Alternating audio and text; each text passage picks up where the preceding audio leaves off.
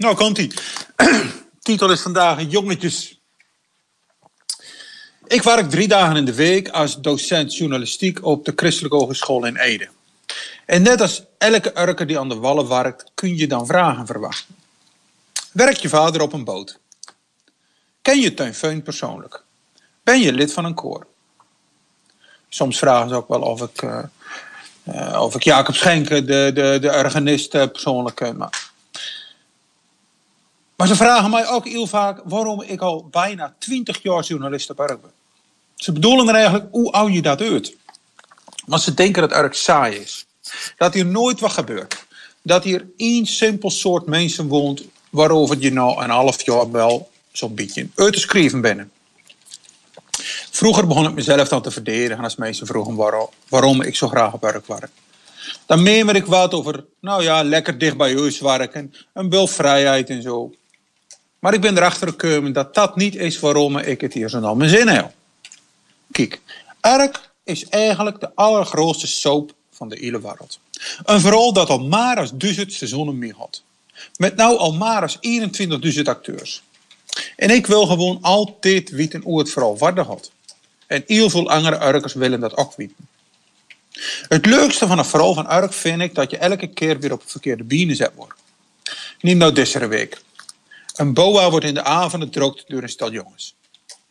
Een laffe actie vanzelf. Je bent al met een groep in en dan gooi je ook nog in in de gedrokt.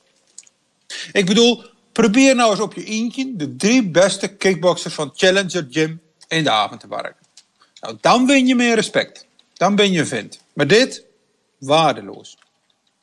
Maar als je nou denkt dat deze week weer eens even tijd werd voor een klaagzang over de jeugd van Urk, dan zat je mis.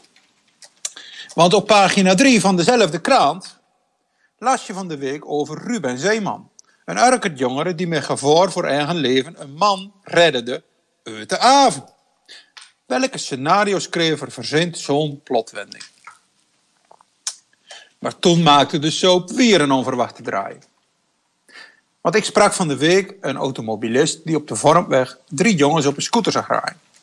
Een van die jongens die vond het nodig om toen ze langst uh, Rien, een vrouw die er aan het was, uh, een vrouw op een, laten we zeggen, respectloze manier aan te raken. Dan zeg ik het maar netjes. De getuige was achter de jongens aan een Rien en probeerde ze aan te spreken op zijn gedrag. Maar hij kreeg een verzameling vloeken, bedreigingen en rachels te verwerken. Van de jongens, de drie jongens en de luismons. Flinke groep. Ik vond het een schandalig verhaal.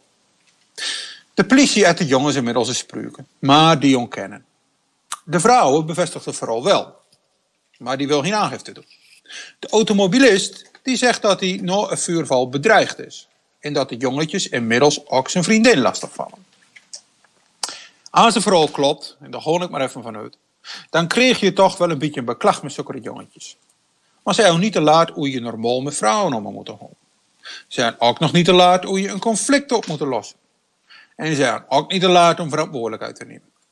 Kortom, ze missen alle creativiteit. Maar toen bladerde ik weer verder in de kraan van afgelopen week. En waar kom ik daar tegen? Twee pagina's vol Urket jongeren die op allerlei kunstzinnige manieren creatief bezig zijn. Hoe bedoel je de Urket jeugd en geen creativiteit? Vanaf vandaag laten ze op tien plekken in het dorp zien wat voor mooie dingen ze gemaakt hebben. Al een folder op zou ik zeggen bij Toeristeninfo en geniet. Op sociale media ging deze week trouwens ook nog een andere variant van dat vormweg verhaal rond. De drie jongens was er zessen geworden. De hardloopster van ongeveer 40 was een mootje geworden. En die jongens was er niet enkel langs te maar hadden er in de busjes op leggen wachten. De auto van de getuige was niet enkel beracheld, maar ook beschuldigd. Nou ja, en vooral wat al erg genoeg was, was nog veel gemaakt. Ik ben bang dat er op, sociale media een soapschrijver actief was die last heeft van overdrevingsdrang. Dat gebeurt wel vaker op werk vanzelf. En eigenlijk snap je daar toch helemaal niks van. Want de waarheid op is meestal al bijzonder genoeg.